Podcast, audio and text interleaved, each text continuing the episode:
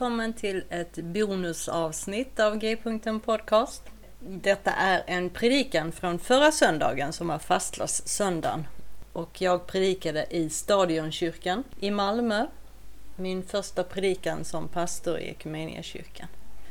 Temat är Kärlekens väg och den får ni lyssna på idag. Håll till godo. Dagens evangelium läser vi från Lukas evangeliet 18 kapitlet med början på 31 versen. Jesus sade Jesus samlade de tolv omkring sig och sade till dem Vi går nu upp till Jerusalem och allt som profeterna har skrivit om Människosonen ska gå i uppfyllelse. Han skall utlämnas åt hedningarna. De ska håna och skymfa honom och spotta på honom och de ska prygla honom och döda honom och på den tredje, tredje dagen ska han uppstå. Av detta begrep lärjungarna ingenting. Vad han menade var fördolt för dem och de kunde inte förstå vad han sade. När Jesus närmade sig Jeriko satt där en blind vid vägkanten och tiggde. Han hörde en folkhop komma på vägen och frågade vad som stod på. Man talade om för honom att Jesus från Nasaret gick förbi och då ropade han Jesus, Davids son, förbarma dig över mig. Det som gick främst sade åt honom att vara tyst, men han ropade ännu högre. Davids son, förbarma dig över mig. Jesus stannade och sade till dem att leda fram honom. Och då mannen kom närmre frågade Jesus, vad, vad vill du att jag ska göra för dig? Han svarade, Herre, gör så att jag kan se igen.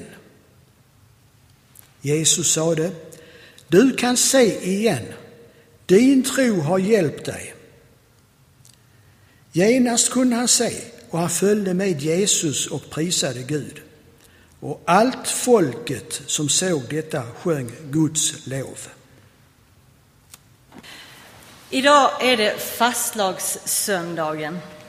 Den dag som inleder fastlagen, alltså de tre dagar av fest innan fastan infaller.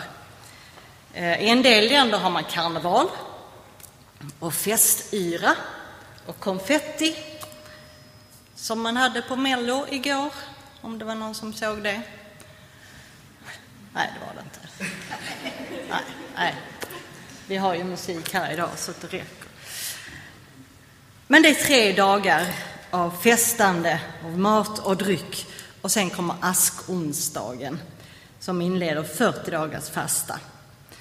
Och fastetiden leder fram till påsk.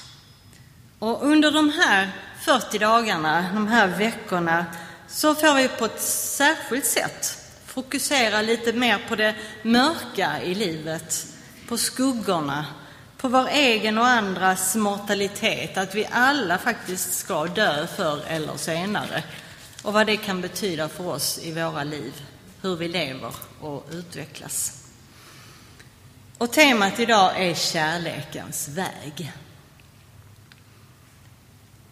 I bibelordet som vi hörde så står det lärjungarna begrep ingenting. Nej, det hade nog inte jag gjort heller. Jesus hade precis berättat vad som skulle hända med honom i Jerusalem. Han skulle hånas och skymfas och pryglas och dödas. Ja, men då vänder vi väl då och går åt ett annat håll, tänkte nog lärjungarna.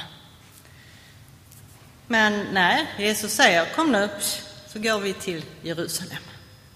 Undra på att de inte förstod någonting. Eh, visserligen sa Jesus någonting om att han skulle uppstå, men jag tror inte riktigt att de tog in det just då. Men dagens tema då, kärlekens väg. Hur kan det här vara kärlekens väg? Lidande och död. Kärlekens väg ser nog annorlunda ut eller olika ut eh, mellan oss. Jesus väg var unik. Hans ledde till lidande och död och förtvivlan, men också till uppståndelse, seger och försoning. Och det är inte så att varje lidande innebär en kallelse att gå den vägen som kärlekens väg, men för oss alla så gäller väl ändå att kärlek utan något slags offer är ingen verklig kärlek. På sin väg passerade Jesus och lärjungarna en blind man som ropade till Jesus för förbarmande. Och fast folket försökte tysta honom så hörde, så hörde Jesus och han tog emot honom. Och Jesus frågade, precis som han brukade göra, vad vill du att jag ska göra för dig? Och så fick han ge honom synen tillbaka. Jag tror att Jesus frågade belyser ändå att han ville ha en relation med den här mannen. Han ville ha ett samtal och eh, kanske en fortsatt relation. Det står ju att mannen följde med Jesus sen. Han kanske följde han honom hela vägen till slutet, hela kärlekens väg. Men kanske var det så att Jesus också tänkte, okej, okay, lärjungarna förstod ingenting av vad jag sa tidigare, så jag får väl visa dem då. För med det här tecknet, att han gav mannen tillbaka synen, han gav inte honom bara tillbaka synen, utan även hela livet. För som blind så hade han varit som död för andra. Han eh, var som död för samhället. Förvisad till ett liv som tiggare. Men med synen, då kunde han återta en plats i samhället. Han kunde börja arbeta. Han fick alltså uppstå till ett nytt liv. De under och tecken Jesus gjorde, de hade alltid flera aspekter än bara det man kunde se med blotta ögat. Den här mannen fick uppleva Jesu självutgivande, villkorslösa kärlek. Den som kännetecknade hela hans liv och gärning och som kännetecknar och alltid har kännetecknat Guds själva väsen. Det behöver man inte gräva så djupt i Bibeln eller vara teolog för att förstå. För det finns liksom överallt. Men det är klart, vill man inte se det så kan man ju gå förbi det. Men I början av bibelordet talar ju Jesus om sin egen förestående död, men också om vad det handlar om att vara lärjunge. I Johannes 15 och 3 så säger Jesus att ingen har större kärlek än den som ger sitt liv för sina vänner. Och det är kärlekens väg. Och det är Jesu väg. Så när vi sjunger att bli lik Jesus, det är min längtan. Då är det det vi menar. Att kunna få sån kärlek till varandra och våra medmänniskor att vi är villiga att dö för dem. Så var försiktig med vad du ber och sjunger.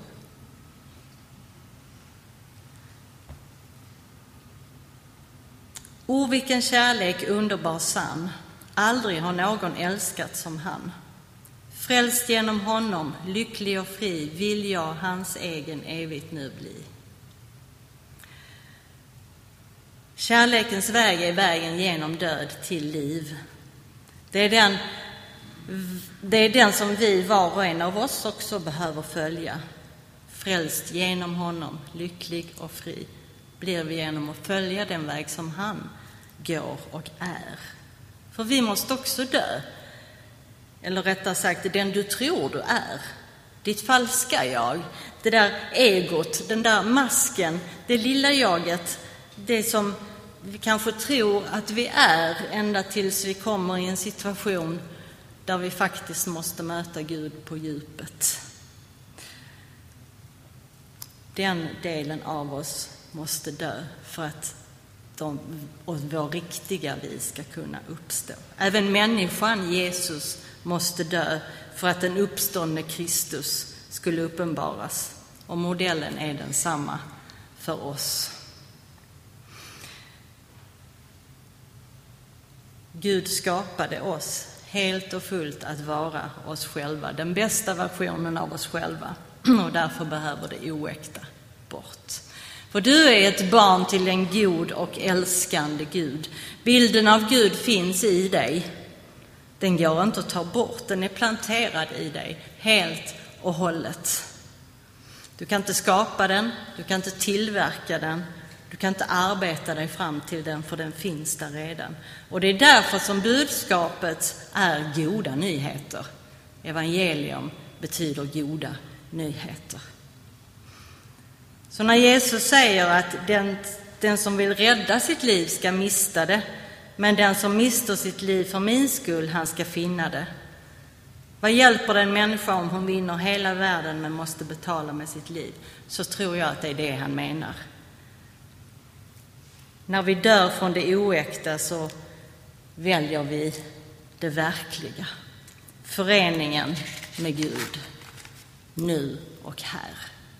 Och vi väljer det framför vår inbillade separation från Gud. Vi ger oss till Guds rike istället för till vårt eget. Himlen här och nu och sedan. Och i fastetiden så får vi möjlighet att ägna mer tid åt att förstå vad det kan betyda för oss i våra liv. Så ta vara på den här tiden. O, vilken kärlek, underbar, sann. Aldrig har någon älskat som han. Frälst genom honom, lycklig och fri, vill jag hans egen evigt nu bli. Amen.